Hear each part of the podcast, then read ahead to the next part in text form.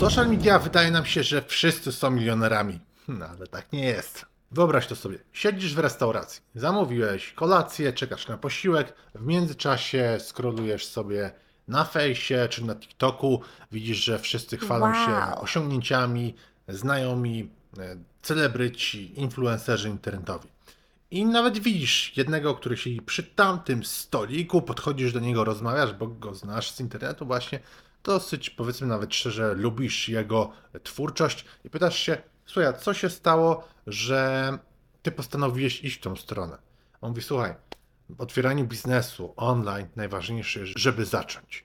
Musisz przestać prokrastynować. Jak to zrobisz, to wszystko już jest później proste. I ty taki napompowany, nabuzowany, wracasz do domu i mówisz, dobra, koniec z etatem, albo koniec z przeciętną firmą. Wchodzę w to na 100%. No i jeszcze przed pójściem spać bierzesz telefon do ręki i ostatkiem sił patrzysz, a tu nagle pojawia się nagłówek, że 90, ponad 90% firm upada. I to są dane statystyczne z GUS-u czy z innej instytucji, w dodatku opublikowane przez rzetelną gazetę, przez czasopismo internetowe. I tak sobie siedzisz i myślisz, to komu mam w końcu zaufać? Przecież te dane nawet nie wyglądają jak dane realne, bo przecież wszyscy w internecie zarabiają. I to podsuwa tobie algorytm. W dodatku nikt się nie chwali porażkami. Więc dzisiaj odpowiem na pytanie, co wpływa na takie postrzeganie. Zapraszam serdecznie na ten odcinek Rano Szrajner. Witajcie na kanale, gdzie omawiamy biznes, work-life balance, sport, biohacking. Jak to połączyć, żeby mieć nawet czas wypić ulubioną kawę. Ja lubię zmrożone jedzko. I koniecznie subskrybujcie. Hej, mega, że dzisiaj znowu jesteś. Oczywiście zachęcam do subskrybowania, polajkowania i udostępnienia tego filmu, Wow. bo im więcej osób na kanale, im, im kanał większy, to ja mogę tworzyć więcej takich mega filmów i zamiast zajmować się częściowo pracą, to zajmuję się częściowo YouTube. W dodatku inni pomagają mi edytować czy tworzyć takie pomysły na ciekawe odcinki.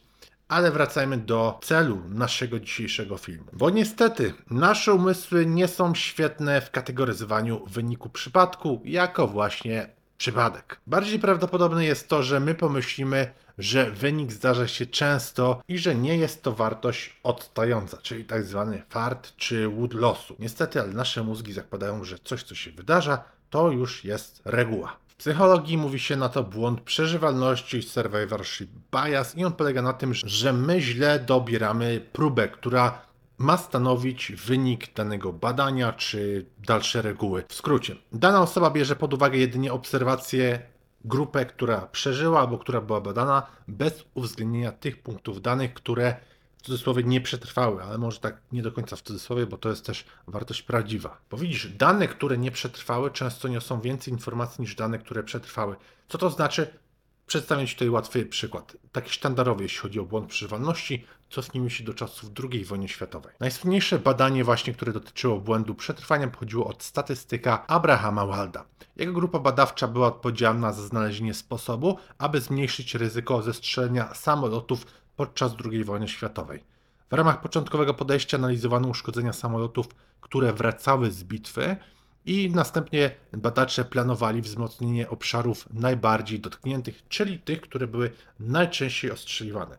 Ale jak już wiesz, po tym co powiedziałem wcześniej, że próby są najczęściej źle dobierane, to możesz się domyślić, że nie o to chodziło. I właśnie Wald też poszedł tym tokiem myślenia, że oni nie powinni badać samolotów, które wróciły z wojny, z, z jakiejś walki, z bitwy, ale powinni badać samoloty, które nie wróciły, które zostały zestrzelone, bo to one dają lepsze wnioski i lepsze informacje w to, co powinno dokładnie zostać ulepszone w samolocie.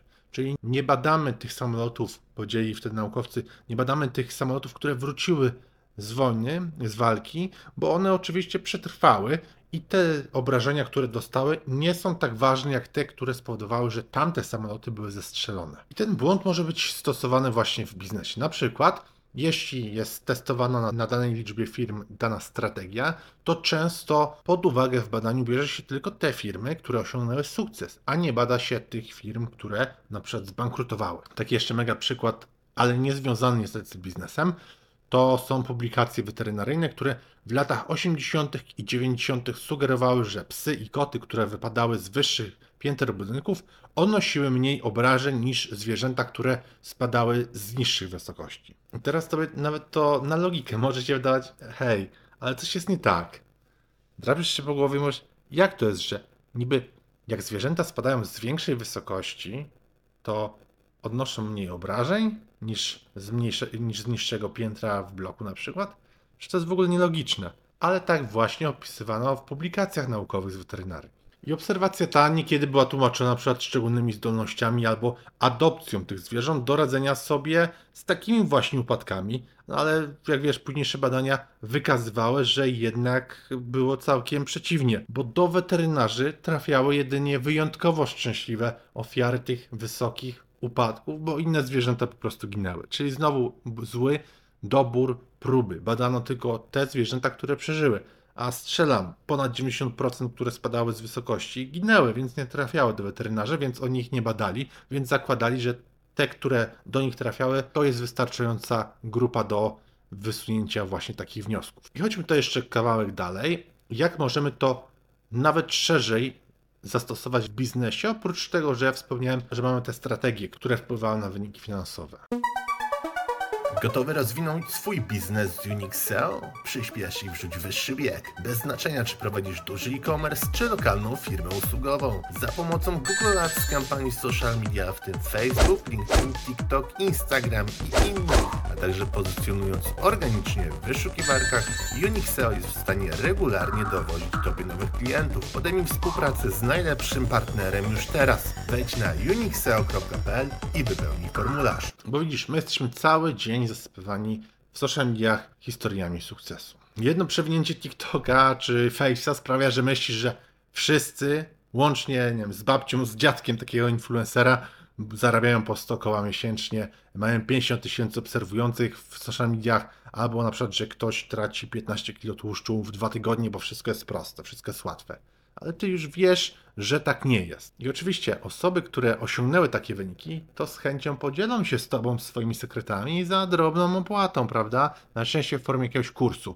albo mentoringu. To nie jest złe, bo często możesz się wiele tam dowiedzieć. Ale ty widzisz w social mediach wartości, które odstają od średniej. Tylko pamiętaj, tak jak wspomniałem, nie wszystko tutaj jest złe. Podobnie jak w przypadku wielu innych rzeczy, zrozumienie właśnie naszego nastawienia do skupiania się na tych historiach sukcesu może być mega przydatne, jeśli skierujemy je we właściwym kierunku. Pomyśl krytycznie na przykład o historiach sukcesu, które właśnie tak często widzimy w social mediach i zgłębi się w te historie. Odrób pracę domową. Także pamiętaj, zanim zaczniesz każdy kolejny nowy projekt, to od A do Z zobacz, czy rzeczywiście dane, które otrzymałeś, to są dane właściwe.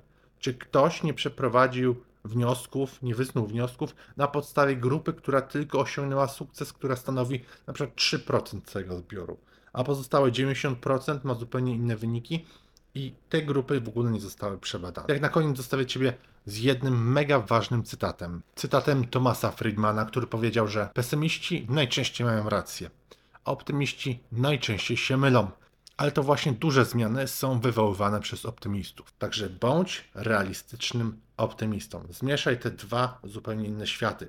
Optymistów i pesymistów, którzy sceptycznie podchodzą do danego wyniku czy wniosku.